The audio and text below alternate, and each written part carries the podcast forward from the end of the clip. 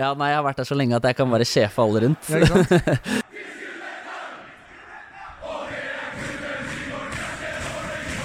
Du hører på Stang ut, en lydfanzine om Vålerenga fotball.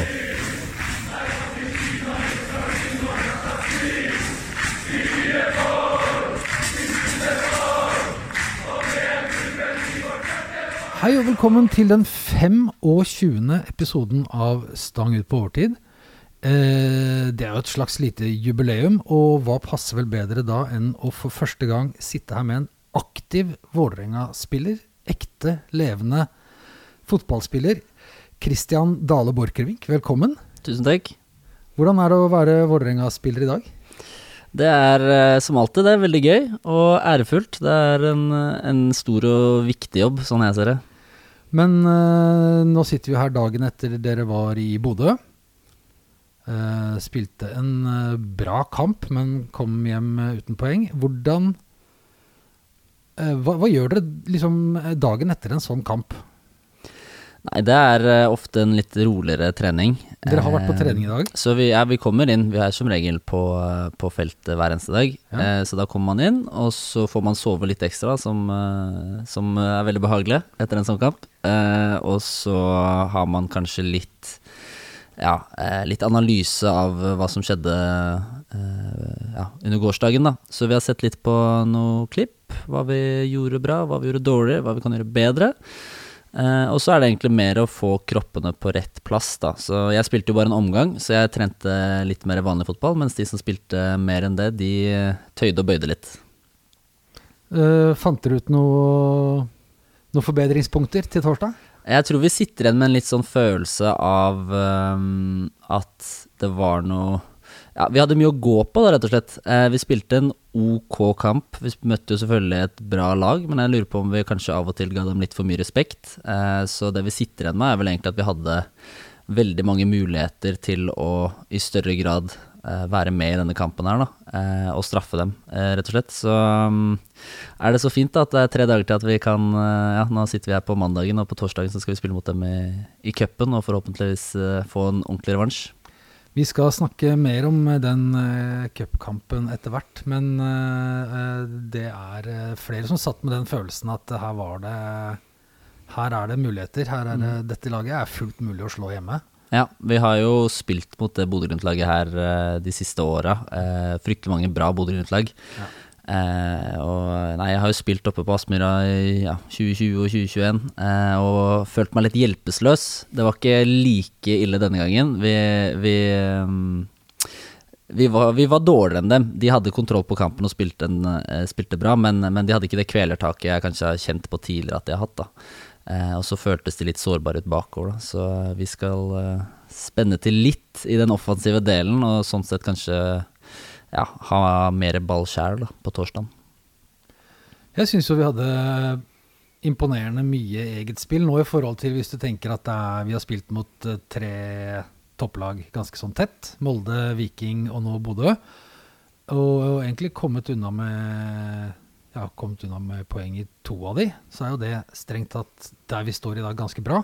Men jeg syns jo den kampen vi hadde det, Jeg vet ikke hvor inspirerende det er, men den kampen vi hadde mest eget spill, var i går. Hvor vi da ikke kommer unna med noe. Men eh, jeg syns spillemessig var det mye, mye mer å, å se på etter denne kampen enn etter Molde-kampen, f.eks. Ja. Nei, det stemmer nok. Jeg tror uh, Bodø-Glimt er et veldig sånn spesielt lag å møte.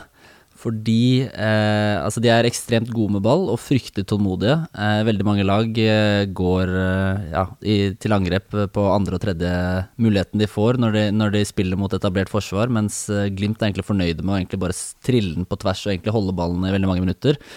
Eh, og samtidig så er det litt sånn at når vi har ballen, så inviterer de oss nesten til angrep av og til. Så det gjør at vi må være litt mer tålmodige og litt mer smarte i de fasene vi har den. da. Eh, så veldig ofte så er det nesten sånn at du, når du har ballen sjæl, at du får press bakfra istedenfor at de kommer fra, foran eh, deg og presser, som gjør at eh, Eh, du får flere muligheter, men til gjengjeld så må du utnytte det litt bedre, da. Så ehm, hadde vi en del spill i går, men jeg syns at vi kunne vært bedre. Og så Som du sier, så var det jo to andre kamper der mot Viking og mot Molde. Vi, Molde var kanskje den dårligste av de.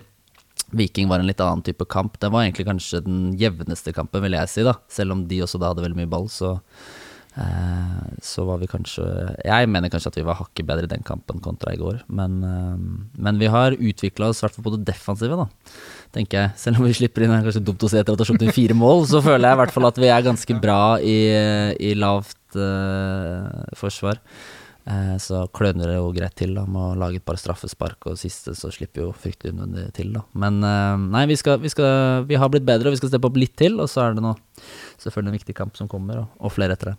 Ja, det blir mange cupfinaler framover, hvis vi ser litt, litt, stort på det. Det blir det, ja. Men hvor, hvor Eh, jeg kjenner noen som var der oppe og, og, så på dere i går, og de lurte på hvordan i alle dager dere rakk flyet. Ja, nei, det var en utfordring. Det er lenge siden jeg kjappa meg For de sleit med å rekke fly, og de skulle verken skifte eller dusje. Så... Ja. Nei, vi hadde fryktelig dårlig tid. Eh, vi fikk noen sure henvendelser fra diverse medier som var sure på at vi ikke stilte opp, men vi hadde rett og slett ikke tid. Vi var, jeg tror vi hadde ti minutter fra vi gikk inn etter kampen til vi måtte være ute og inne i dusjen, og da måtte vi dusje og gjøre diverse. Så det var uh, rett inn og rett ut, rett og slett. Men du rakk det? Nei, vi rakk det faktisk. Dere overnatter ikke borte? Hva sier du? Dere overnatter ikke når vi spiller borte? Jo, stort sett? vi gjør det av og til. Eh, men vi prøver å komme oss hjem, da. Så når vi har muligheten, sånn som i går, til å komme oss hjem, så er det av veldig stor verdi, mener jeg, og tror alle andre også. Eh, sånne, det blir av og til sånne tredagsturer der hvor du kommer ned dagen før og drar hjem dagen etterpå med to overnattinger. Og det er litt seigt, og det gjør noe med den dagen i dag, f.eks. dagen etter kamp, da, som er litt mer eh, behagelig når du har sovet i egen seng. Uh, men hvis vi går litt bakover nå, Kristian. Mm. Du er fra Du er født eller rett ned i gata her. Ja. Bodd på Lilletøyen. Riktig. Hele oppveksten, eller? Ja, så å si. Eller i hvert fall fra Eller så å si. Jeg, fram til jeg var ni, vel, så bodde jeg på Lilletøyen. Spilte på Lilletøyen? Spilte på Lilletøyen. Også fram til jeg var ni. Ja. Ja, øh, Var det som dere spilte jeg husker eh, Lilletøyen Cup og sånn? Lilletøyen-serien? Riktig. Jeg har noe sånn derre Lilletøyen Cup sånne, Jeg har jo sånt, eh, en svær pose med disse gamle medaljene. Så jeg, fikk, jeg har en eller annen sånn stående der hvor det står ved Lilletøyen Cup det var 2005, jeg. Så jeg, ja, hvis ikke jeg husker feil. Så... Du er født i 99, så da var du fem-seks år? Riktig, riktig, riktig. Perfekt. ja, og Det fineste med Oslo-fotballen så er Lilletøyen Cup. Jeg håper ja. den fremdeles uh, ruller og går. Veit du om den gjør det? Det vet jeg dessverre ikke, altså. Det er jeg usikker på. Nei, jeg har vært, uh, stått mange, mange timer og sett på, på barnefotball her. Det er jo en helt fantastisk sted å starte. Hvordan var det å ha liksom serien sånn i bakgården, mer eller mindre? Ja, det er jo rett og slett bakgården eh, sånn det ser ut også på Lilletøyen der. Der du hadde den der gamle grusbanen som fortsatt står der. Mm. Eh, det var jo superfint. Jeg var jo veldig heldig. Jeg hadde jo veldig mange av naboene mine jeg spilte med, rett og slett, som er kjent fra før av. Og så um, ja, folk du ble kjent med etter hvert som også Alle bodde jo i nabolaget, rett og slett. Eh, og så var vi jo heldige i den grad at vi hadde Du starter jo gjerne med foreldretrenere. Men uh, vi hadde foreldretrenere med ja, god fotballbakgrunn da, rett og slett, og kunnskap, så jeg vil si at vi hadde ganske god trening fra tidlig alder. Da. Er det et navn vi har hørt? Uh, det vet jeg ikke. Det var jo Geir Antonesen som kanskje hadde største ansvaret, da. Som er faren til en som er fortsatt veldig god venn av meg, Felix. Som egentlig faktisk Felix var den beste på laget. Mm. Fram til vi, han ble også med videre samtidig som Det som skjedde, var jo at vi spilte på Lilletøyen. Og så spilte vi sammen i fire år. Eh, og da alle sammen var ni år, så flytta vi hele laget rett og slett fra Lilletøyen til Vålerenga. Mm. Så jeg spilte egentlig sammen med de samme gutta, pluss da noen nye som kom inn når vi endra til Vålerenga. Um, og da spilte jeg annet med Felix da, og faren hans Geir, som var uh, trener på den tida, sammen med et par andre. Hva gjør det med et nabolag å liksom ha sin egen uh, turnering som halve byen valfarter til, og alle som har spilt fotball i sentrum, har liksom vært og spilt Lilletøyen Cup? Er det, som du sier, du har fremdeles venner derfra, er det um, Er det litt sånn litt sånn eh, retro, søt, gammel tid som er litt borte, men som fins fremdeles på Lilletøyen? Du, er, det, det, vet jeg egentlig ikke. jeg er litt usikker på hvordan det er nå. Men nei, for min del så var jo det selvfølgelig bare gøy. Det var jo litt sånn romantisk forhold til det hele. da. Det er jo, Når du er bitte liten, så løper du etter den ballen der og prøver å sparke den i mål. Det er liksom ikke så mye mer du tenker over det. Og så var det veldig gøy, da. Jo, men det er jo som du sier, da. At det, du har jo vennene dine der. Um, og det er jo Lilletøyen er liksom fint i den grad at du ligger jo bare liksom oppå en haug, og det er ikke så stort. Så du vanker rundt i nabolaget der, og det er fotballbanen midt på. Uh, og hvis du beveger deg litt ned, så kommer du til Kalteksløkka. Hvis du er heldig, så får du plass på kunstgressbanen der. Sånn var det i hvert fall da vi var yngre. Uh, men nei, det var jo selvfølgelig uh, et kjempefint område å vokse opp i, og et veldig fint miljø, så det var bra. For det er jo sånn hvis du ikke kommer herfra, og du andre folk hører at du har vokst opp på Tøyen, så om du refererer til det som et kjempefint område å vokse opp i, så mister jo folk kaffekoppen. Ja, det er jo Kanskje Tøyen har jo fått et litt dårlig rykte, sånn sett. Og jeg husker jo selv da også at det var litt forskjell på om du spilte fotball oppe på Lilletøyen på grusbanen kontra gå ned til Kalteksløkka. For med en gang du gikk ned til Kalteksløkka, så møtte du jo eh, alle folka fra Tøyen og oi, rundt over andre steder, da. Eh, og da var det litt eh, hardere språk av og til, og, og litt annerledes. Men eh, jeg tror som regel, og sånn er det vel generelt i Oslo også, at folk tenker nok at det er ganske mye verre enn det det faktisk er, da, vil jeg påstå. Er ikke det litt sånn det skal være? At når du kommer ned på den store banen, så skal de små stå og vente til de store sier at det er ledig? Eller, altså det skal du må liksom kjempe litt for plassen der òg. Det, det, er vel sånn det skal være? ikke det? Jo, det er vel sånn det skal være. Jeg synes jo på en måte Den gylne regelen er jo, og sånn det ofte er da når du er på en sånn bane som er kommunal og, og som står åpen, er jo at du har liksom hvert ditt mål. Så noen kjemper for å få elleve målene. Det var ikke så viktig for oss, vi var så små, så vi prøvde å få de der små syve målene som sto rundt på sida. Eh, og så var det vel kanskje litt sånn at vi hadde de måla, og da er det jo egentlig sånn at den førstemann skal ha liksom retten så lenge du holder på, men så kommer det kanskje noen litt eldre gutter da, som sånn sakte, men sikkert prøver å egge seg innpå og skyve deg litt lenger ut, og da må du stand your ground og prøve å være tøff. Eh, og det prøvde man jo alt, det var ikke alltid man lykkes så godt, kanskje, da. Men det er vel eh, Det er kanskje litt naturlig, da, sånn som du sier.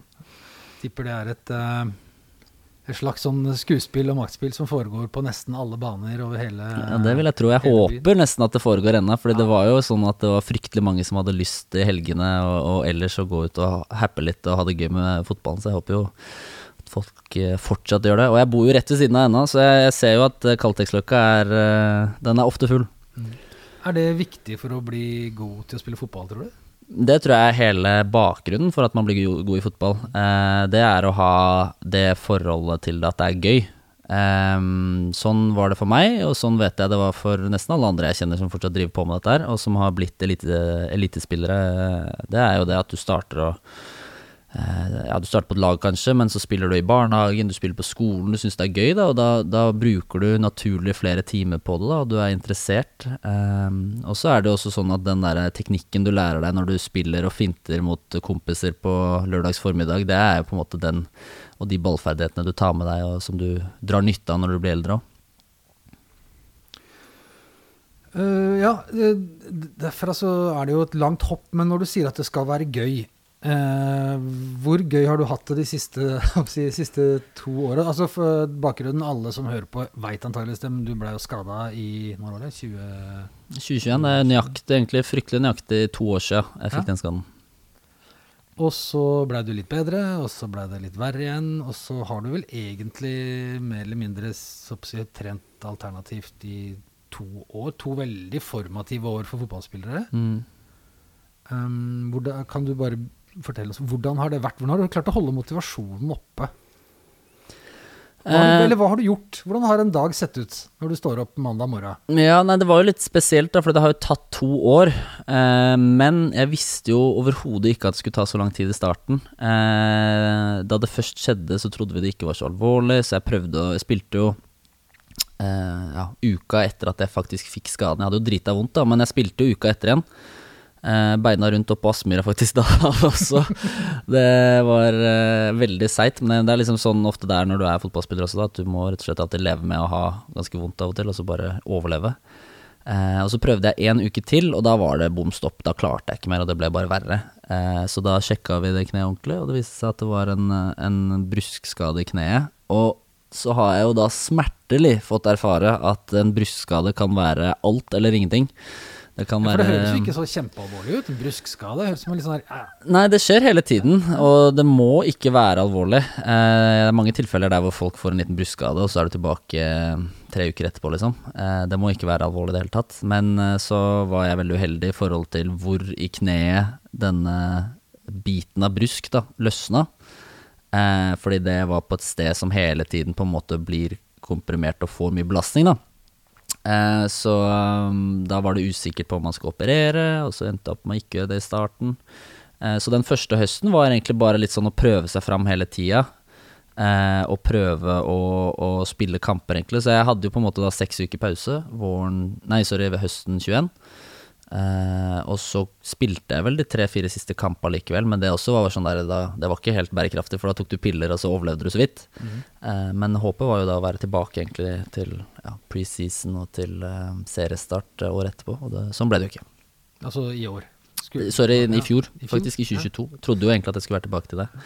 Men det var jo da man fikk den der hammeren, eh, etter å ha prøvd å ikke operere, og så gå til en ny ekspert på området, at man fikk vite at eh, nei, dette her er eh, ikke sikkert at du kommer til å spille fotball igjen. Og da, det var, eh, da ble det veldig fort seriøst. Eh, fordi den hadde ikke jeg egentlig Den situasjonen hadde ikke jeg tenkt på i det hele tatt. da Så den fikk jeg i mars 20, 2022, tror jeg jeg fikk den beskjeden. Ja, det vil selvfølgelig, jeg, bruker å legge ut eh, spørsmål på, eller be om spørsmål fra lytterne på Twitter, og Mm. det ble ikke klart at vi kunne møtes i dag før i går kveld. Så jeg, Mm. eh, men jeg fikk ganske mange spørsmål, og det, det, det var jo noe av det folk lurte mest på. Hvordan har du jobba liksom, med det mentale Mm. under en sånn periode? For det må ha vært liksom tungt å motivere seg, eller eh, man var- blir lei seg, eller man blir liksom får mørkere dager, da, hvor du liksom tenker at faen, dette gidder jeg ikke mer? Eller, Mm. eller har du ikke tenkt sånn? Jo, du tenker sånn. Eh, det er, eh, når jeg tenker tilbake på hele den perioden her, da, og, eh, for meg så startet på en måte helvete litt da i mars, februar-mars eh, 2022, for det var da jeg innså at dette her blir ikke lett. Eh, dette her, eh, og så får du i tillegg beskjeden at du kanskje er ferdig å spille fotball. Da eh, begynte det å gå opp for deg, og da er det kjempevanskelig mentalt. Ehm, jeg har grått, jeg har vært fortvila, um, og jeg tror eh, det viktigste man gjør i en sånn situasjon, er på en måte av og til å eh, tørre å ta seg litt fri, eller gjøre sånne ting. For liksom, hvis du ikke har med deg hodet i en, en sånn situasjon, så er du helt ferdig. Eh, og det har man hørt har gått dårlig for veldig mange. Men jeg klarte å holde motivasjonen. For min del så var det rett og slett det at jeg satte meg mindre mål hele tiden. Eh, så den, eh, det starta med våren 2022 at jeg hadde en operasjon i april eh, som var vellykka. og Det var et mindre inngrep der hvor du bare gikk inn og fjernet denne biten som var løs. da. Og da var liksom håpet at man skulle være tilbake etter et par måneder. Så da hadde jeg liksom igjen da et ganske sånn klart estimat foran meg, som er enkelt å forholde seg til. To måneder, let's go. Knytte på seg skoa og gjøre en jobb. Så da trente jeg jo knallhardt. Og så kommer jo det som begynner å bli vanskelig, da, når du merker at det har gått to måneder og du er ikke i nærheten. Og så gikk det tre måneder, og så gikk det fire måneder. Eh, og ute på sommeren der så var jeg liksom Hva er det som skjer nå? Og det var, jeg tror var da det begynte å bli ordentlig jævlig, for da skjønte jeg at jeg må nok mest sannsynlig gjøre ett inngrep til. Eh, som er omfattende. Og på det tidspunktet der så var jeg, jeg var rett og slett førstemann til å gjøre det inngrepet i hele Norge. Fordi bruske... eh, Altså, forskninga på dette går så fort at eh, internasjonalt at eh, det er ikke de gamle metodene du bruker som funker, så det, er, eh, det ble nytt. Og det funka heldigvis, da, men på det tidspunktet der, den høsten der, da, så opererte jeg i oktober, og det var eh, low point, altså, fordi da visste jeg at det kom til å ta fort tre kvart år før jeg var tilbake. Og det å motivere seg til å trene når du vet at du ikke trenger å være Det har ikke noe å si om du er i form om en måned eller to, egentlig, da. Og i det hele tatt så vet du ikke om du kommer til å spille igjen. Da Det var vel eh, low point, i tillegg til at du har operert. Du går på krykker, du bor alene i leiligheten din, og når du skal lage mat, så må du bære maten fra kjøkkenet i en sekk ut til stua, liksom. Det var helt jævlig å gå på krykker. Nei, det var en grusom tid, så da var det døgn med lite søvn. og ja, eh, da var det rett og slett veldig tungt. Men du har, dere har en mental trener i klubben Mm. fremdeles. Mm. Har du snakka mye med henne underveis? Klart, i hvert fall den høsten der. For da hadde jeg For min del så har det alltid vært Jeg har alltid Jeg har hatt veldig godt støtte hjemmefra. Eh, jeg har en mor og en far og søster og kjæreste som jeg kan på en måte ventilere og snakke med. Og så er det fint å ha Ann Helen, da, eh, som jobber her i klubben, eh, som kjenner til hverdagen min her, da, kanskje bedre enn det de gjør. Og kjenner til bedre de mekanismene som er innenfor fotballen. Da. Eh, så jeg snakket jo veldig ærlig og kjefta jo rundt folk rundt bare huden full, mente at det var så ræva ditt og datt. Eh, så det trengte jeg veldig mye, samtidig som at hun kunne på en måte Det som var behagelig, var vel at hun uh, så meg og sa at det er helt greit at du føler det sånn her, og det er helt naturlig.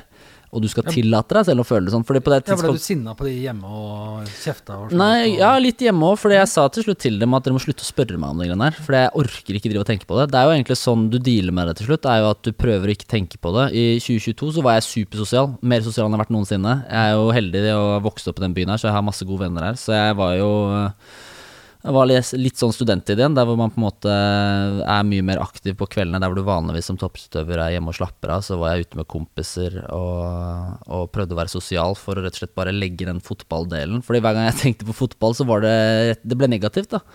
Eh, fordi enten du, du fikk ikke være med, og du fikk ikke gjøre jobben din, men også det der at du var usikker på om du kom til å gjøre det. Da. Så selv det å være her på stadion å trene eller å se kamper. Jeg husker den høsten der så begynte vi å vinne masse kamper, men det var liksom vanskelig for meg å være glad, rett og slett.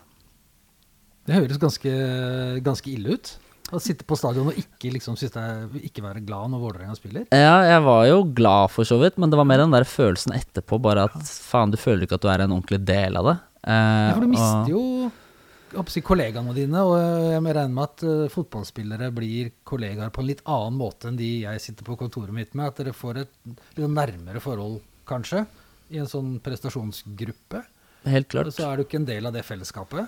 Helt klart. Og det er jo det der at du, du kommer på jobb, og det er litt spesielt som fotballspiller, som du sier, da. Og så har du på en måte det målet om å prestere på søndagen, og da er det veldig naturlig at fryktelig mange av samtalene, selv om mange er utenomsportslige også, så er det fryktelig mange av de som går på eh, hvordan få laget best mulig, hvordan man skal jobbe og, og, og, hvordan man skal spille fotball, rett og slett.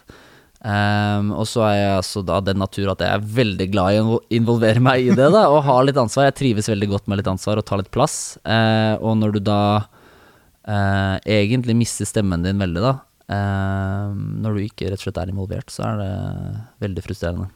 Og en som spurte her, også en, en lytter som ofte sender inn spørsmål, som eh, har, uh, som har Twitter-navnet bitchplease1913, Uh, spurte stemmer det at du fikk noen administrative oppgaver av klubben under skadeoppholdet? Sånn, for Han mente han hadde sett det på ære være, eller? Ja, jeg spurte jo klubben om å få Det var jo igjen, da. Jeg kunne jo brukt en time å snakke om hva jeg gjorde i 2022 av ting for å ikke på en måte Eller komme meg gjennom det året der, da. Eh, men da var det jo rett og slett Ja, vi har ikke dårlig tid. Dette ja. Siem skal ha rom om en time og et kvarter, men uh, han får vente. Hvis, uh, han, får, han får, være med, han, også, hvis han har lyst til å gjøre det. Nei, men det var um, Det ble sånn at det, det, var på en måte å få av og til fokuset uh, vekk, da. Fra det å rett og slett spille fotball, så om det var kompiser eller andre ting, så var det viktig å få det vekk. Og også det der bare det at når du har en jobb, som er å spille fotball, og du ikke får lov til å gjøre jobben din, så har du ingenting i livet ditt som egentlig eh, gir så veldig mye mening. Da. Jeg hadde liksom ingenting som Der hvor jeg følte meg nyttig, var vel egentlig det jeg endte opp med. Eh, så jeg studerte jo. Det ga, liksom, det ga mening for meg, da, Fordi da hadde du liksom en jobb du skulle gjøre, og du skulle komme fram til noe. Eh, Hva studerte du? Jeg starta på en bachelor i, i administrasjon og ledelse eh, i fjor. Eh, på deltid og på nett, som fungerte veldig bra. Det var jeg veldig glad for at jeg hadde den høsten eh, i fjor. Eh, men, men, i forhold til det med, med femte etasje og administrasjonen, da, så sa jeg jo til dem at jeg veldig gjerne stiller opp eh, hvis de trenger meg på forskjellige ting. Da. Så jeg snakket jo på diverse nettverksmøter, eh, og vi har jo fryktelig mye utenomsportslig som skjer i den klubben her. Vi har jo en hel samfunnsavdeling mm. eh, med ukentlige prosjekter, så jeg var jo med dem i større grad. Besøkte klasser eh, for å snakke om ja, egentlig ja, om fotball, men veldig mye om eh, ja, eh, sosiale ja, problemstillinger, da, og hvordan fotballen kan være med på å hjelpe og hvordan det fungerer i en fotballgarderobe. Eh, at det ikke alltid er så jævla viktig å være tøff, men at man faktisk selv i en, en voksengarderobe har det vanskelig med å backe hverandre. Da, at man kan ta med det i klasserommet. Så det var, det var veldig mye forskjellige sånne type oppdrag man gikk på. da. Eh, og det er jo igjen sånne oppdrag som på en måte jeg følte at ok, men da spiller jeg en rolle, da har jeg noe som betyr noe, og som er viktig. Eh, og det var viktig for meg det året der, da, å ha et eller annet som eh, Jeg føler meg litt nyttig, rett og slett. Ja, Var det da du begynte å, for det var jeg ikke klar over før jeg så på Ære være, å involvere deg i den eh, We Play Green-organisasjonen også? Ja, ja det Eller var vel det Nei, Det var i hvert fall underveis i skadeperioden, men det var vel litt mer tilfeldig. Det var ikke som en reaksjon fordi eh, at jeg var skada, at jeg hadde mer tid til å gjøre andre ting. Det hadde tror jeg hadde gjort uansett. Det var Ja. mer enn eh, at de, vi kom i kontakt på det tidspunktet. Hvordan da? Det er det, altså, er det, for det er Morten Thorsby Det som har starta hele greia, eller er det bare han vi har hørt om fordi han er norsk? Og Nei, det er absolutt han som har starta hele greia også. Morten er eh, Ja, Morten Thorsby, han er, han er Det er så mye driv i den karen, jeg skjønner ikke hvordan det er mulig. Altså, han eh, har et brennende engasjement for dette her. Og har virkelig et overskudd til å drive det framover. Så det starta vel med at han ble mer og mer interessert og hadde lyst til å starte en organisasjon for å rette fokus på ja, fotballens rolle i, eh, i klimaspørsmålet. og med hjelp av faren sin og moren sin så starta han en organisasjon her som eh, driver veldig godt nå og blir veldig mye større på veldig kort tid. Så eh, det har vært eh, veldig moro å være der. Det er vel snart to år jeg har vært med der, da. Men øh, kjente du han? Er dere sånn som har spilt mot hverandre på kretslag? Nei, jeg, jeg kjente han ikke. Grunnen, måten vi kom i kontakt var vel at eh, de jobber jo da inn mot eh, klubber, og veldig naturlig da i Norge å snakke med Vålerenga. Så jeg tror de hadde Vi har jo allerede en administrasjon som driver og jobber med bærekraft og, og for, har forskjellige mål, så jeg tror, hvis jeg ikke husker feil, så hadde vel eh, faren til Morten, som driver eh, mye av virksomheten fra kontoret her i Oslo, da. Selvfølgelig når Morten Thorsby er jo i utlandet og spiller fotball. Så um, han hadde vel vært i møte med noen her i Vålerenga, der hvor de fikk spørsmål eh, om det var noen som kanskje kunne vært interessert her, og da var, kom vel mitt navn opp veldig fort, da. Eh, og da var det ikke noe tvil for min del om at jeg hadde lyst til å være med der, da. Hvorfor øh, kom ditt eh, navn opp, tror du? Eh, Det er vel fordi eh, Nå har jeg jo vært i denne klubben her en evighet, virker, eh, virker det som. I hvert fall for min del. Altså, de vet jo at jeg bryr meg vel. Jeg sier det til dem hver gang jeg stiller opp på disse eh, samfunnsoppdragene. da, der, enten om man snakker om eh, hvordan man behandler hverandre i klasserommet, eller om det er på klima. At jeg bryr meg, da. At det, jeg, det betyr noe for meg også å få stille opp på disse greiene her. Så var det, tror jeg de visste fort at Kristian hadde vært interessert. Det er en som stiller et spørsmål eh, som, ligner, eller som går litt inn på det, og hvor det står eh, så, som spør om du tar et større uh, ansvar i garderoben nå sammenligna med tidligere. Du er liksom, er du, du, er liksom, du er ikke gammel, men du er veteran i den troppen her. En av de som har vært der lengst. Er vel- så når det, kommer, ja. når det kommer nye unge spillere inn i A-troppen, er det, er det noe dere har et opplegg for? Er det noe du kjenner på? Som hvordan skal vi få disse gutta her til å trives og det er Eller er det bare sånn du bærer utstyret, du pusser sko eh.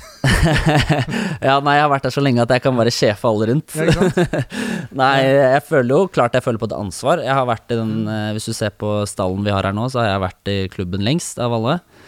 Eh, og så var jeg jo allerede i kapteinstime fra 2020. Em, så jeg har på en måte hatt en, en ganske stor rolle der. da Og så har det jo vært, sånn som jeg sa her i stad, at jeg kanskje følte at jeg mista litt den plassen i garderoben og sånn under skadeperioden. Men jeg føler jo nå at em, Klart at jeg har en viktig stemme i den garderoben der i og med at jeg har vært der såpass lenge. At jeg kjenner klubben, jeg kjenner byen og mekanismene i den, den klubben her bedre enn de fleste i troppen. Da. Em, så det å på en måte når, Om det er unge som kommer opp og trener og la dem uh, føle seg velkomne, eller om det er når vi har henta Eno og Andre Ilic uh, nå i sommer, da, og, og kanskje hjelpe dem litt, eller uh, ja, vise dem eh, litt hvordan det er her på Valle, men også kanskje litt i byen, og være litt mer eh, på, og vise litt mer tanke overfor dem, da. Eh, så føler jeg klart på et ansvar der, da. Det gjør jeg. Ja, har dere gjort det? Tatt dem med ut og vist, uh, vist dem deler av byen? Hva har du vist fram først da? Etter du har vært her? Ah, nei, det er jo så klisjé det, da. Nei, jeg har ikke, jeg har ikke vært på bysafari med dem ennå. Jeg har snakket en del med André, da. Eh, han bor jo ikke så langt unna meg heller. Eh, så var jo nå i første perioden når vi pratet med dem, så er det jo litt sånn der eh, hvordan de skal bo, hva de tenker, og så kanskje hjelpe dem litt i forhold til områder som er fine, da. Der får de jo der. Ja, riktig. Det er der André endte opp også, da. Eh, så jeg sa jo det, han var litt sur på meg, da, for han skjønte etterpå at han kanskje ikke hadde havnet i den beste gata på Grünerløkka. Men eh, det var litt vanskelig å forklare han akkurat hvilken gate han ikke skulle gå i, da. Men, uh, men det er vel mer å høre hvordan de klarer seg i hverdagen, om det er ting. Og så må vi kanskje pushe litt ekstra på å få dem sosialisert i visse settinger, da. Eh, Samme person spør også, og når vi var inne på det, han hadde fokus da på nye unge spillere. Men eh, har, du, eh, eh, har du et eh, innsidetips for en unggutt vi skal se opp for neste sesong? Det er vel en som ikke er i avstanden i dag, kanskje? Du, har du oversikt? Ja, eller altså det som er at vi har jo så er det mange skummelt å komme med et navn eh, så Nei, men? Vi har jo så mange unggutter i A-stallen nå, da. Så det er liksom det å dra opp folk fra juniorlaget er jo litt meningsløst, egentlig. Fordi vi har jo Jeg lurer på hvor mange karer vi har under 18 år. Vi har sikkert seks spillere under 18 år, da. Eh, som er en del av A-troppen. Eh, og så syns jeg det er farlig å drive og kaste folk inn i miksen i forhold til neste år. Men dere har jo sett noen av de. Alexander Kjeldsen har jo spilt eh, en del kamper allerede. Filip Thorvaldsen har vært mye involvert. Eh, men så kanskje å kaste inn Jonas, da. Jonas El Abdelawi. Dere har sett litt av han også kanskje tidligere i år, men han er jo nå på utlån hos KFM. Eh, forhåpentligvis Jeg tror det er veldig god erfaring å være på utlån. Jeg har vært det sjøl. Så kanskje få han enda sprekere og enda bedre tilbake neste år. Det er mye trøkk i han, så kanskje 2024 kan være litt eh, større gjennombrudd. Men igjen, gutta er så unge, jeg har ikke lyst til å gi dem noe press på dem. Men det er, eh, det er veldig mange i den kategorien som kan bli bra fort, da. Ja, når du snakker om Koffa, jeg har et uh, Vi skal komme tilbake til spørsmål om Koffa, et sånt uh, måste velge-spørsmål etterpå. Men de ligger, jo, de ligger jo godt til nå, da. De gjør det. Jeg har Gøy å være med med meg den oppturen, antageligvis. Det vil jeg tro. Det er jo også sånn der, eh, det å være en del av et sånt uh, vinnende lag. Da. Nå har ikke vi vært det i år, men det er god læring i det også. Eh, og så er det jo litt uh, eh, Han er jo på en måte kanskje litt lenger framme i køen i en sånn tropp da, kontra her.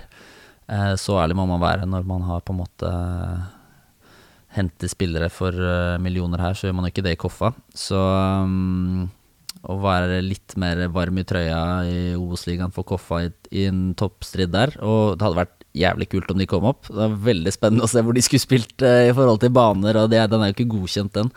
Så det kunne vært en morsom kabal. Men, eh, men å få dem opp hadde vært veldig gøy, da. Uh, ja, du var uh, du, Ja, jeg bare det er, det er jo selvfølgelig mange som går og prater om uh, den kvalikkampen du ikke vil ha. Og der Mm. er jo Koffa det navnet som dukker opp først. eh, Ofte. Ja, nei, Men vi skal ikke på noen kvalikkamp, vi. nei det, er, det ville jeg også sagt. Det er, uh, bruke energi på det blir litt uh, dumt uh, for vår del. Jeg tror vi har ganske klart Nå er vi vel på trygg grunn, men det er jo selvfølgelig tett nedi der. Nei, spørsmålet der, siden vi nå nesten har tatt hele, det er selvfølgelig Ville du velge å gå til cupfinalen mot Kjelsås, men møte Koffa i kvalik om Obos-ligaspill eller eliteseriespill, eller tape på torsdag og vite at du klarer plassen? Åh, det er jo et forferdelig spørsmål, da. Men jeg tror uansett det er veldig ah, Det er jo så defensivt å være redd for en kvalikkamp mot Koffa. Eh, men eh, nei, altså det soleklart viktigste er jo eh, å sikre plassen i Eliteserien, uten tvil.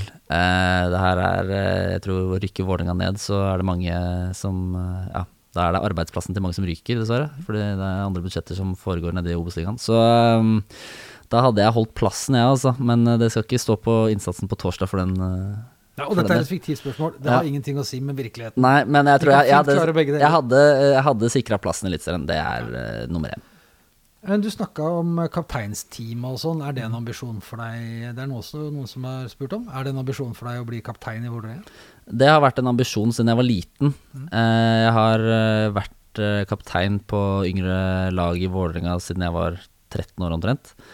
Ehm, så jeg har alltid hatt et mål om å være kaptein i Vålerenga, virkelig. Det har jeg. Um, og så har aldri tiden vært helt moden for det. Jeg var jo med i kapteinsteamet, selvfølgelig, men da hadde vi jo Tollås som var en fantastisk kaptein her. Eh, og, og så videre. Så nå har jeg vært ute en stund, så jeg tror jeg på en måte sånn sett at man er et lite stykke unna. da Du skal jo gjerne være på en måte etablert på laget i tillegg til å på en måte være en riktig skikkelse da for å få den eh, tilliten. Så Men eh, nei, det er eh, Det har vært en drøm lenge. Uh, når du sa 'siden jeg var liten', det er jo, Mm. en, altså, det er jo sånn vi supportere elsker å høre. Men Mm. du har vært supporter òg, har du ikke det? Jo da, jeg var på Ullevål. Jeg har vært vært medlem av miniklanen. og- Har du det? Ja da. Fantastiske greier. Så du har stått i miniklanen og Jeg sto og sang i miniklanen på Ullevål. I det ene hjørnet der så var vi Ja. pakka inn en liten gjeng. Eh, og så dro vi ofte, og da husker jeg det var også var en femtilapp for å komme inn på kamp av og til. Så Eh, det var billig å ta, sykle bort og så ta oss og, og komme inn i døra. Og så litt seinere, når man ble eldre, så fikk vi jo da egne eh, sesongkort. Som ikke var en del av miniklanen, men du fikk det som lenge du spilte i klubben. da eh, Så da man, benytta man jo dem, da, så da var jeg ikke med i miniklanen. Men jeg har jo vært og sett kamper på Ullevål siden jeg var fem, tror jeg. Det var vel første, Jeg tror jeg debuterte i Royal League, hvis jeg ikke husker feil. Oi, det er, Det er stor ekte. debut. Jeg tror jeg debuterte der. Jeg, tror, jeg husker bare at vi vant 3-2, Panser ble matchvinner. Det var det eneste jeg husker fra den kampen der. Det var veldig kaldt, var det òg. Ja, det Men, var en kald eh, turnering. ja. Men, eh, men moro. Eh, hvilke spillere var det du så opp til da, som du liksom tenkte at en dag, hvis jeg var så god som Mm. Hvem er det som spilte som var favorittspillerne dine når du var liten?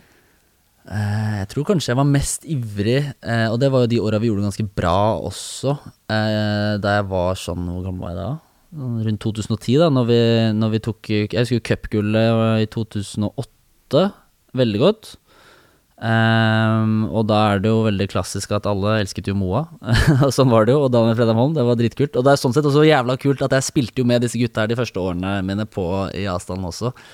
Uh, men, uh, men jeg husker de åra veldig godt. Jeg, jeg vet ikke om jeg hadde uh, Jeg tror aldri jeg hadde liksom én spiller som var liksom helten min, men jeg husker jo utrolig godt Freddy og André Muri, som var helt konge på den tida der. Og Hestad og, eh, og selvfølgelig Moa på topp, da, som var dritgod de åra. Men når du sa, og så fikk du muligheten til å spille med dem når du var Da var ikke du Du var ikke senior full Jo, jo, jeg var eh, 2017. ja. 2017 så kom jeg opp for fullt. Jeg trente jo med laget Eller med da er var, det når du kommer på første trening da? Liksom har fått, du har fått treningstøy, Mm. eller får du det da? Nei, altså det er jo, det, er jo det, det verste er jo egentlig når du ikke er eh, A-lagsspiller, men juniorspiller som hospiterer opp. Da er du nervøs, ass. Det er, Da var jeg var da 16 og 17 og sånn og skulle være med på A-lagsøkter. Eh, og du kommer i juniortrøya ditt og banker litt sånn forsiktig på døra. Jeg skulle være med dere i dag, liksom. Og da er du ganske beskjeden. Eh, og så er du Å, sorry når du kommer borti folk i dueller og sånn. Men eh, Så når jeg først signerte kontrakten i 2017, så var det vel egentlig ganske greit, Fordi da hadde jeg på en måte hatt såpass med treninger eh, med gutta at da føltes det behagelig. Eh, men det er vel heller når du hospiterer opp som er verst. For da er du usikker og Men er det sånn at de, noen da liksom gir deg en ekstra smekk for å liksom vise at her er du kommet opp til de voksne kara, eller er de Nei, det er, like, det, det er. Jo, nei, det er sånn. Du får en ekstra en. Og så I tillegg så er det bare sånn at den forskjellen fra et juniorlag og et A-lag i forhold til eh, hvor fort det går, men også hvor fysisk det er, er veldig stor, da. Så uavhengig om eh, på en måte Christian Grindheim hadde lyst til å gi meg en trøkk eller ikke, så gjør han det. Det er sånn gjør han med alle de andre som spilte på laget på den tida også. Så eh, du kjenner at det er eh, tøffere når du kommer opp sånn. Men ikke verre enn at eh, hvis du har uh, kjempa for eh, målet ditt på Caltex-løkka, så går det bra. Nei, ikke verre enn det. Det, er det. Det var det verste du kunne oppleve. Eh, der er det også en som har, uh, har uh, plukka opp at du, er, eh, at du har vært supporter, som heter Sylvester, som har sendt inn spørsmål om uh, Blir det fristende å synge med, synge med når man spiller? Eh, akkurat når jeg spiller, så er det vanskelig. Det er av og til, nå er det veldig lenge siden dessverre, det av og til når du har gode kamper og det er ganske behagelig på slutten, at du kan la deg rive litt med, da. La oss si du leder med tre-fire mål. Eh, så kan det være gøy å på en måte la seg rive med stemninga, men nå er vi ikke så bortskjemte med det om dagen, da. Men eh, nei, når man kommer ut eh, og hører mitt Vålerenga, når man kommer ut uh, i pausen, så, og selvfølgelig før kamp også, når kjerka blir spilt, så er det lett å synge med noen strofer. Uh, og så er det selvfølgelig altså, Hvilket spørsmål tror du jeg fikk flest, da? Hvis du skal gjette Spørsmål du fikk flest, da? Hvis du hadde vært supporter nå, og så um, fikk eh, tilbud om å stille ett spørsmål til Å uh, oh, ja, til nei, nå, okay, nå tror jeg er det kontrakt, da? Er det det, det som kommer her nå? Det er helt riktig. Når signerer du uh, ny kontrakt? Uh, det er vel egentlig det spørsmålet som, eh, som kom aller eh, flest ganger, som folk lurte aller mest på. Ehm, kan du si noe om det? Har du fått et tilbud? Snakker dere, eller er dette sånn som er bare hysj-hysj og du ikke kan si? Nei da, det er ingen problemer å snakke om det. Eh, det kommer til å bli samtaler mellom meg og Vålerenga om å fornye. Eh, så jeg har allerede fått signaler på at det kommer til å skje. Eh, så jeg er mer spent på hva som kommer, fordi jeg, jeg jo, må jo være så ærlig å si at jeg snakket med dem i fjor høst når ting var vanskelig for meg. Eh, og da var jeg i møte med dem og sa sånn er situasjonen min, jeg sliter med dette her. Jeg ville ha trygghet. Eh, fikk ikke noe kontrakt på det tidspunktet. Da var det liksom ganske sånn hard eh, melding å få at nei, du må vise at du kan spille fotball igjen. Eh, og det har jeg selvfølgelig gjort nå, da. Um, men jeg kan jo ikke signere hva som helst. Jeg har jo lyst på en, en ordentlig kontrakt og en som ikke bare er på ett år eller hva nå enn. Jeg, jeg, rett og slett, jeg er veldig bare Jeg har ikke peiling på hva jeg får av tilbud, jeg. egentlig det. Nei, så, det er, så jeg er mer spent er det, på det, er det sånn det foregår? At de kommer med tilbud, eller sier du hei, hør her? Nei, helst, helst, så er det jo hvis du er, er det et spill, liksom, hvor det er regler? ja, må... det er jo av og til så er det kanskje litt et spill, da. Eh, men nå har jeg på en måte Det er, det er sånn jeg kjenner uh, Jokke så godt, uh, og alle andre i den klubben er så godt, så det er liksom ikke vist noen hemmeligheter der. Uh, jeg har snakka med Jokke for lenge siden som sa at vi løser kontrakt. det kommer, kommer, til å komme kommunikasjon der, og jeg hørte nå senest fra Geir i, i forrige uke at vi starter den kommunikasjonen nå. Så har ikke vi akkurat starta kommunikasjonen ennå, da, men da er det naturlig at de tar kontakt med min agent. og på et eller annet tidspunkt så kommer Vålerenga først med et tilbud som er på x antall år og sånn og sånn økonomisk. Og så går det som regel litt fram og tilbake før man er helt enig, da. Men eh, det betyr jo litt det første tilbudet man gir, da, for det viser jo litt hvordan man eh, Hva man ser eh, Eller hvordan de ser på meg, da, eh, på en måte. Ja, nei, eh, det, det var jo det de aller fra. Det er, det, altså, og spørsmålsrekka de renner jo over av det. At mm. uh, vi, du må skrive en ny kontrakt, og den skal være kjempelang. Og hvor er Jokke, hvorfor har du ikke signert ny kontrakt? Så det, det er uh, skal vite, at det er veldig mange av de, i mm. hvert fall uh, på tribunen, som mm. har veldig, gleder seg veldig til å se den kontrakten uh, forlenga. Um, jeg håpa jo når du sendte melding i stad Hei, jeg er på møte med treneren, mm. jeg blir litt forsinka. Så håpa jeg at du skulle komme smilende ned her med en ny kontrakt i baklomma, så jeg ja. virkelig kunne Men så, det var ikke det dere holdt på med da? Nei, vi, det var litt spontant, men uh, vi har jo vært inn og trent der i dag. Så det var bare det at vi satt og spiste lunsj, og så kom uh, Geir inn. Vi satt en fem stykker rundt uh, bordet, og så spurte han om vi kunne ta en titt på noen bilder. da. Mm. Og da blir det jo fort sånn at det tar ikke et kvarter, det. Det tar en time. Så vi satt, satt der ganske lenge, og da så vi på kampen i går, da. så prøve å se og lære av de situasjonene man hadde i går, og gjøre det litt bedre på torsdag. Men, du, men for igjen da, nå har jeg fått. Jeg får jo spørsmål hele tiden når jeg møter folk også om disse ja, kontraktsgreiene, da, og jeg må jo si det sånn at eh, det skal eh, Jeg er veldig motivert for å spille for Vålerenga, for å si det på den måten. Eh, så så lenge ikke jeg føler meg pissa på, så tror jeg vi, det kommer til å løse seg. Det kommer til å bli uh, løs, ja. Nei, men da da er, det, da er det sagt høyt. Så satser vi på at dette, går, dette går sånn vi alle håper. Ja. Um, så må vi jo prate litt om at vi har pratet mye nå om at du har vært skada og hatt det vrient og sånn, men så har du jo faktisk nå kommet tilbake på fotballbanen igjen. Har jo det. Første kampen for andrelaget mot hvem var det? Ørn Horten her. Ørn Horten. Ja. Åssen var det? Uh, var du, uh, hva, hva, kjente du da, når du liksom uh... det, tror jeg var liksom det største øyeblikket, kanskje for min del, eh, sammen med det å komme inn og spille første A-lagskampen jeg kom inn mot Molde her. Eh, men den første Ørn Horten-kampen, selv om det bare var en omgang eh, Så jeg var jo Jeg tror kanskje mange har sett det på den Ære være-serien vår osv., så, videre, så brøt jeg litt sammen etterpå, fordi det var det, det, er litt følsomt å snakke om det nå, rett og slett. Litt emosjonelt. Uh, fordi jeg satt så lenge og var usikker på om jeg kom til å gjøre det. Og det var så ille at jeg husker at jeg tenkte etter den siste operasjonen at okay, jeg vet ikke om kneet mitt kommer til å bli bra, men hvis det er ganske vondt, så skal jeg liksom jeg skal liksom lyve og si at det er helt fint, og jeg skal ta Jeg tar noe jeg har smertestillende hjemme. Liksom. Så det var liksom på det punktet der at du skulle bare tvinge deg gjennom ting, da, for å på en måte For å få én kamp til, liksom? Bare for å få én kamp til, da, bare for å få oppleve det.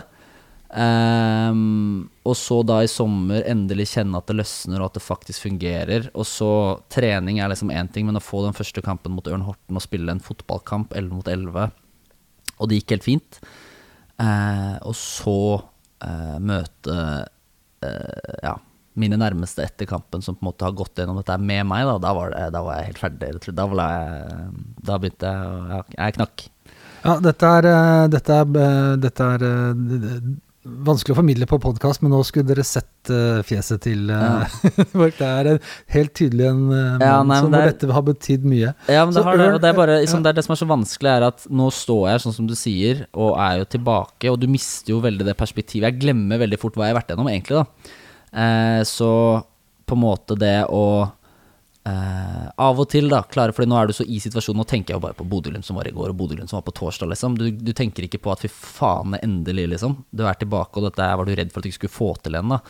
Eh, så jeg tror det er av og til så er det uh, litt sånn noen øyeblikk som gjør at du blir dratt ut av det, da, og husker det du har vært gjennom, og husker det du tenkte på for et år siden, og for et halvt år siden når du var usikker på alt, da, og du hadde liksom vært takknemlig for en brøkdel av det jeg sitter med nå, da, som gjør at du har en litt sånn større takknemlighet til eh, hele situasjonen.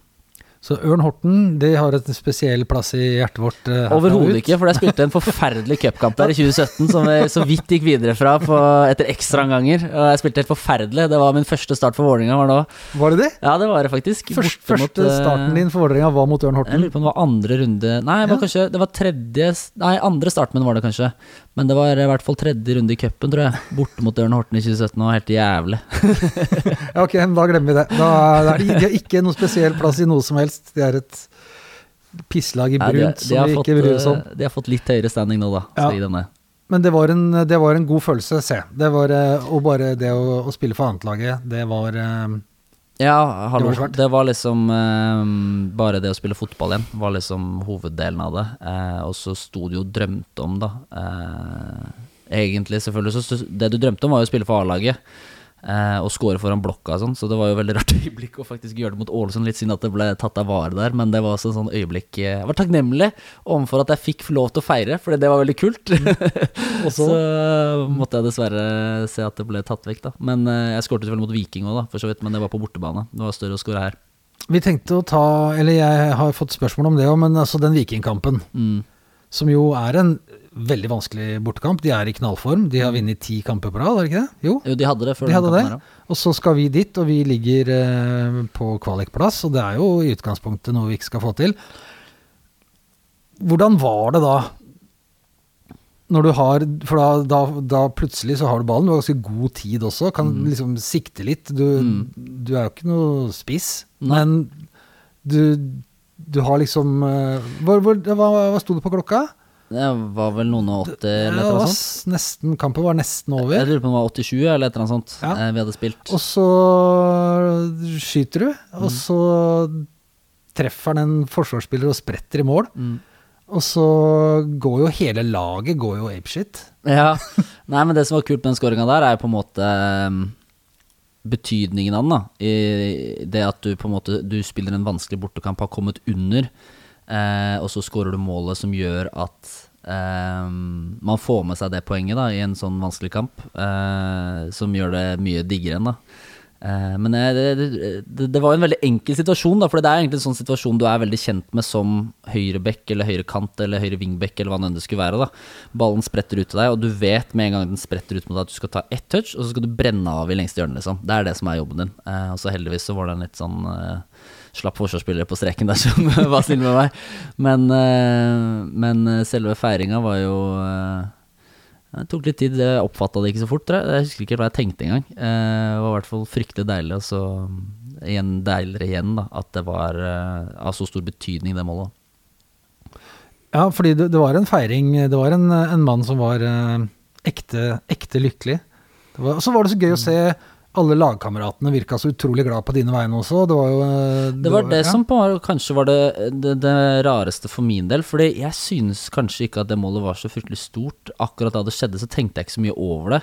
Eller jeg synes, vet du hva, Det er helt tull å si, jeg syns det var dritstort. Det var dritgøy og jævlig kult i den kampen. Men, men ehm, det største for meg var vel egentlig kanskje all den eh, støtten jeg opplevde etter at jeg skårte. Altså Som du sier, at lagkameratene mine eh, var liksom Kom, faen så fortjent, liksom, at du får den. Eh, og hele støtteapparatet, og så klanen som har kommet mannsterke til Stavanger og synger navnet mitt en halvtime etterpå, etterpå virket det som. Og det var virkelig bare så stor backing. Men det største øyeblikket var da jeg gikk inn i garderoben etter kampen. Da hadde jeg allerede Jeg spilte jo bare 25 minutter eller noe sånt da jeg kom inn på slutten. Eh, og da betyr det ofte at du skal gjøre ekstra trening, så det gjorde vi. Så vi hadde liksom en halvtimes trening i etterkant, da. Så jeg kom liksom ikke inn i garderoben før 40 minutter etter kampslutt eller et eller annet sånt, da. Eh, og da har jo på en måte folk vært gjennom sin Folk er i dusjen, og folk går litt rundt omkring. Det er litt sånn roa seg, da, etter at vi har berga det poenget. Eh, og så gikk jeg bare bort til telefonen min, da, og så titter jeg på den, og så ser jeg jo bare kanonader. Altså det, er bare så, det er så mye meldinger, da. Eh, og det var egentlig kanskje da det først traff meg, hva som egentlig hadde skjedd. da Ja. Eh, og den støtten og det Da ble jeg veldig emosjonell igjen. eh, fordi da kom det meldinger fra ja, så mange ja, eldre bekjente, eh, nyere bekjente, alle de nærmeste selvfølgelig, men også så mange Vålerenga-folk som bare en ting er på en måte grattis med målet, sånn, men bare sånn der, folk var så glad for at det var jeg som hadde skåra det målet. da Ja, ja. Å kjenne på den, der var jeg bare et, I etterkant av det så har jeg vært liksom så takknemlig. Og nei, egentlig hele den støtten jeg har fått da etter å ha kommet tilbake fra den skaden her, har jeg bare Jeg kunne aldri se for meg det, da. Og det har vært eh, Jeg er veldig ydmyk her jeg sitter i dag, da. eh, Og takknemlig overfor eh, alle og enhver som heier på dette laget her, og som har heid på meg så mye nå siste månedene. Og hele fjor, for så vidt. Jo, men det er klart det er ikke så lett å heie på en som sitter på en ergometersykkel. Vi ser deg jo ikke. Det er Nei. jo vanskelig å, å komme fram da, med Klart det.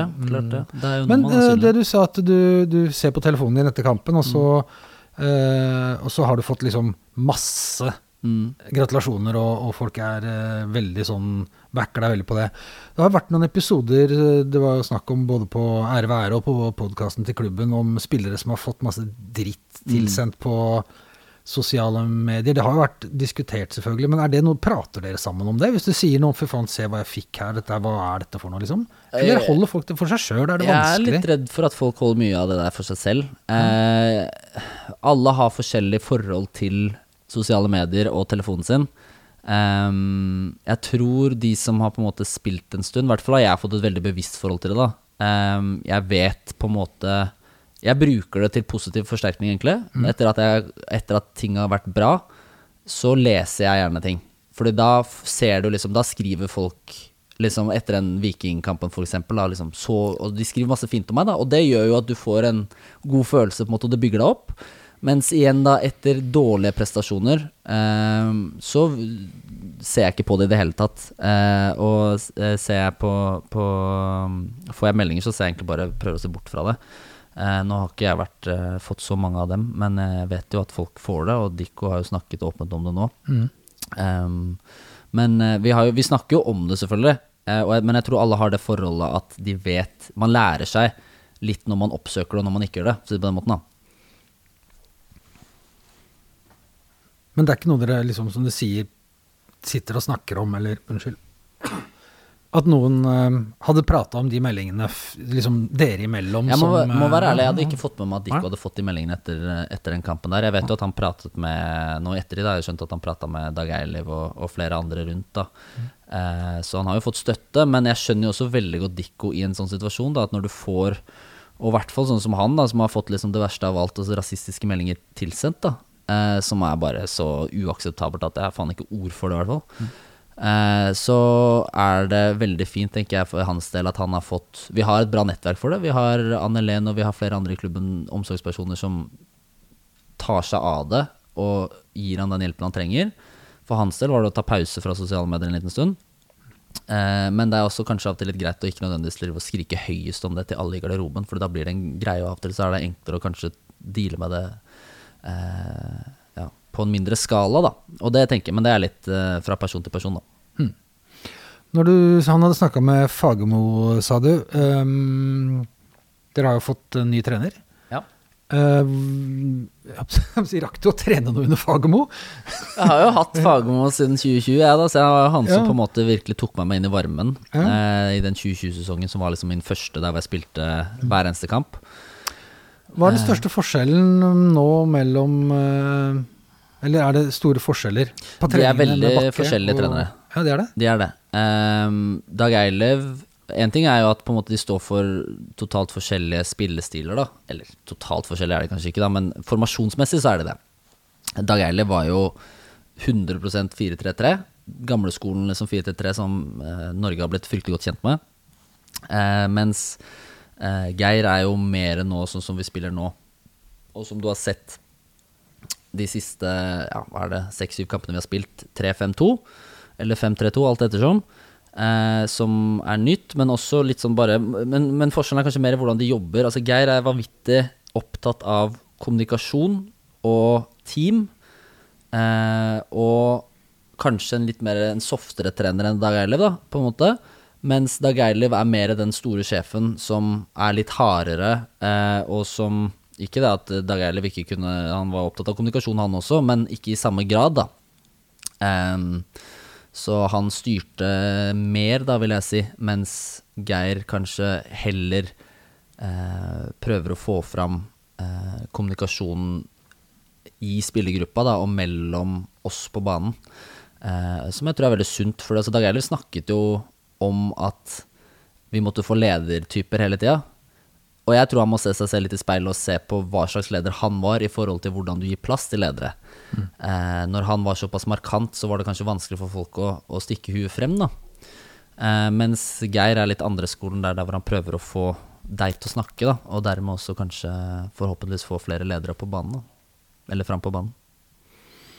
Men det må jo være en veldig stor uh, forskjell hvis man mm. skal jobbe i et team og ha en mm. som er sjef er jo veldig stor forskjell på det å ha en sjef og en leder. Klart. Uh, og hvis en, uh, en leder, uh, som det høres ut som vi har fått mer enn nå, klarer mm. å dyrke fram spillere som tar det ansvaret, istedenfor mm. å stå og, og Det var jo noen som også mente de hadde liksom at, at den ledelses... Liksom filosofien til Dag Eilo, kanskje mm. systemet mm. var litt utdatert. At det er mm. noe vi er veldig godt kjent i Norge. Det ja. Kanskje litt, blitt litt gammeldags. Ja.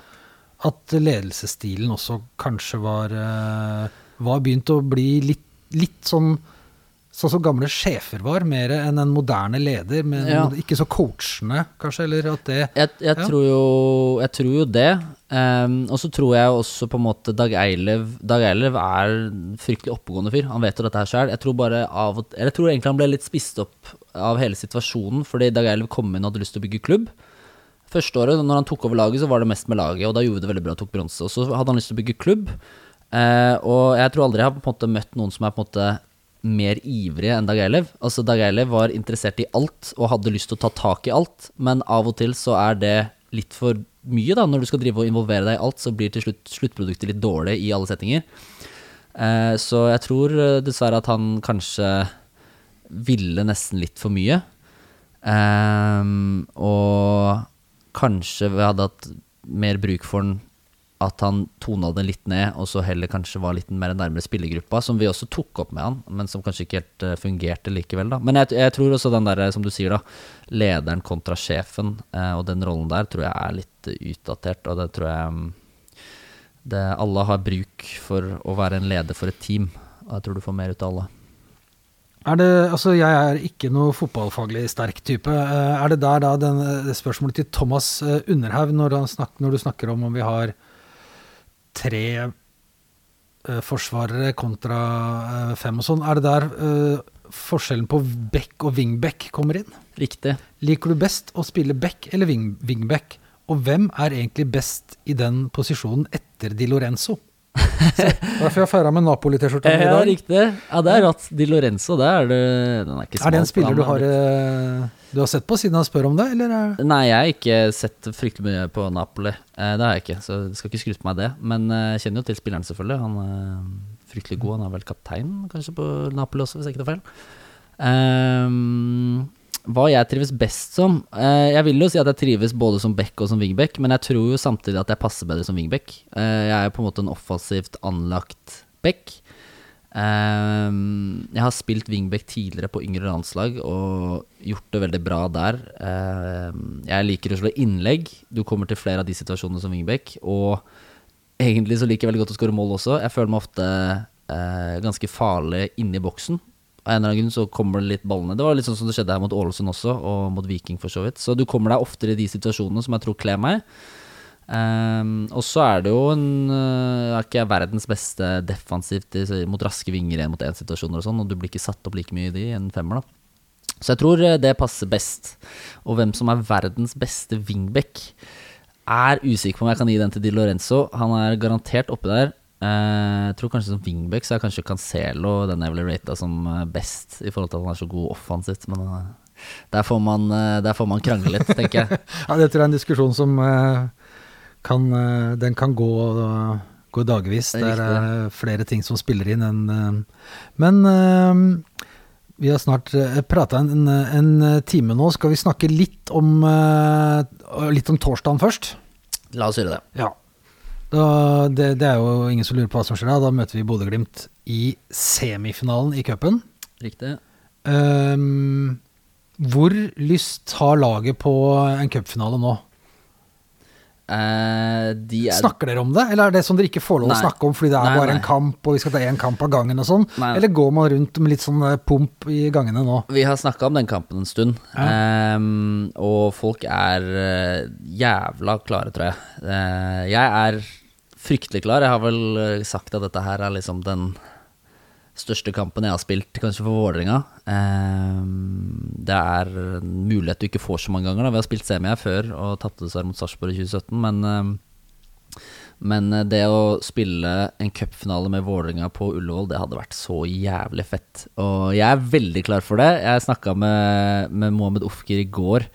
Eh, når vi satt liksom på benken eller vi varmet opp, så snakket vi litt om det. Så var han var, altså vi, drev, vi drev og snakket om det og ble sånn mer og mer gira ettersom vi snakket om det. Så var sånn fy faen, vi skal ta det her!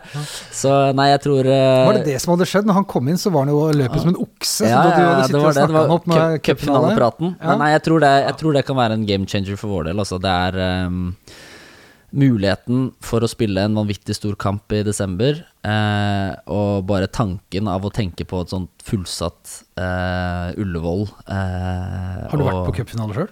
Jeg var jo i 2018. Nei, sorry, 20, 2008. Ja, du var der? Jeg var der, ja. Jeg Ja. satt og så kampen, jeg. Ehm, jeg vet ikke om jeg har vært på så mange cupfinaler etter det, men jeg har i hvert fall vært på den. Eh, men bare tanken av å ha muligheten til å ta et cupgull med Vålerenga, og den festen man skulle hatt etterpå, er, det gir meg gåsehud. Altså. Og, jeg, og som jeg sa her nå, så vi har prata om garderoben, og folk er klare, altså. Det skal jeg love deg. Ja, og De som ikke har vært i Norge under cupfinalen, ikke vet hva det betyr, hvor stort det kan bli. Det, det er en Det er det som er jobben vår nå, da, Ja. disse dagene her. Å bare fortelle at folk skjønner anledningen. Ja, at cupfinalen i Norge er svært. Ja. Det er liksom uh, Man må vite at det er big, altså. Ja, det er gigantisk. Uh, jeg har veldig trua. Mm. Jeg syns det så, tross at vi tapte med 4-2, så veldig lovende ut i går. Jeg tror når vi kommer får dem her på hjemmebane, så har jeg eh, Jeg tror. Det gjør jeg også.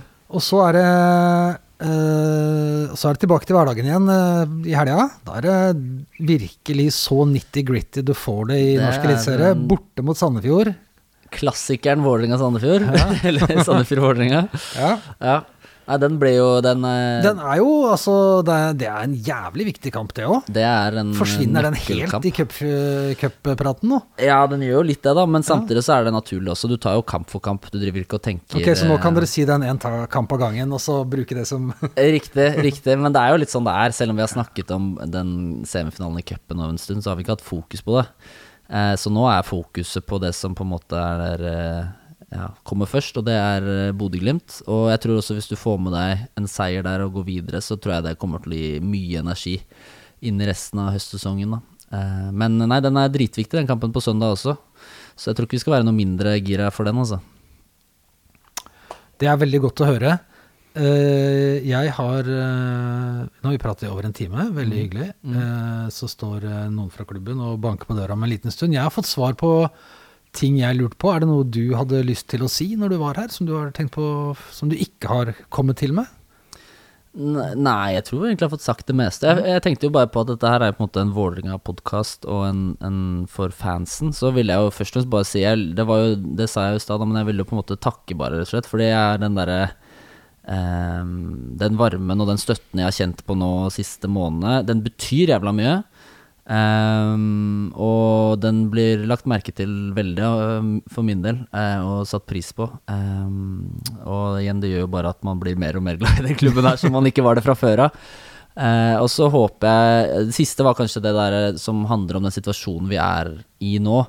Uh, så tror jeg jeg ser det, og jeg tror egentlig også fansen ser det, at vi har et lag som er mer enn godt nok. Vi, vi skal holde oss, da, hvis du ser på oss spiller for spiller. Så jeg mener jo da at vi må bare faen Vi må ikke drive og la det derre frykten eller negativiteten måtte ta oss. Eh, altså, klanen og østblokka og egentlig bare generelt fansen har vært fantastiske hele år. Vi har vært ræva på hjemmebane, tapt masse kamper, men dere har liksom stilt opp.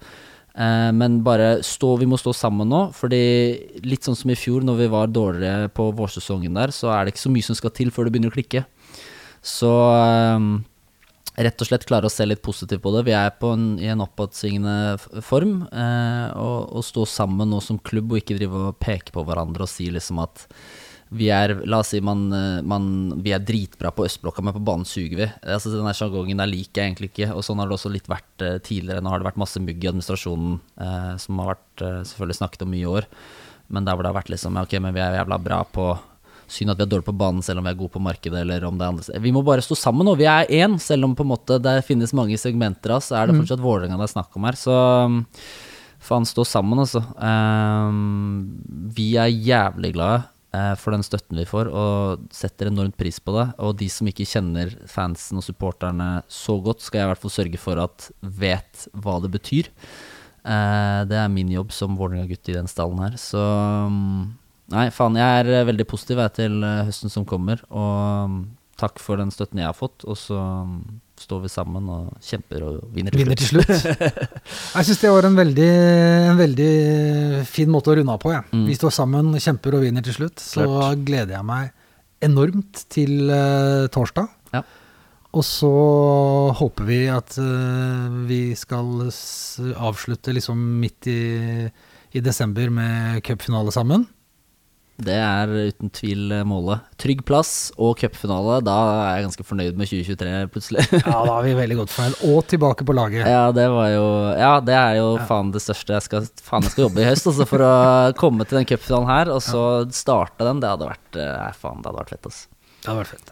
Da sier jeg tusen takk for praten, jeg, Christian Borchgrevink. Det har vært kjempefint uh, at du har tatt deg tid til å prate, og veldig gøy å høre om din både betraktninger som spiller og veien tilbake fra, fra skade, og hva det har vært for en, uh, for en ung mann. Jeg sier tusen takk, og så drømmer vi om cupfinale og fast plass. Nei, trygg plass. Yes. Tusen takk til dere som har hørt på også. Det, jeg heter Jon Hernes, og du har hørt en episode av Stang ut på overtid. Og eh, så tar vi med oss Christian sine ord på veien ut. Vi står sammen, kjemper og vinner til slutt. Takk for meg.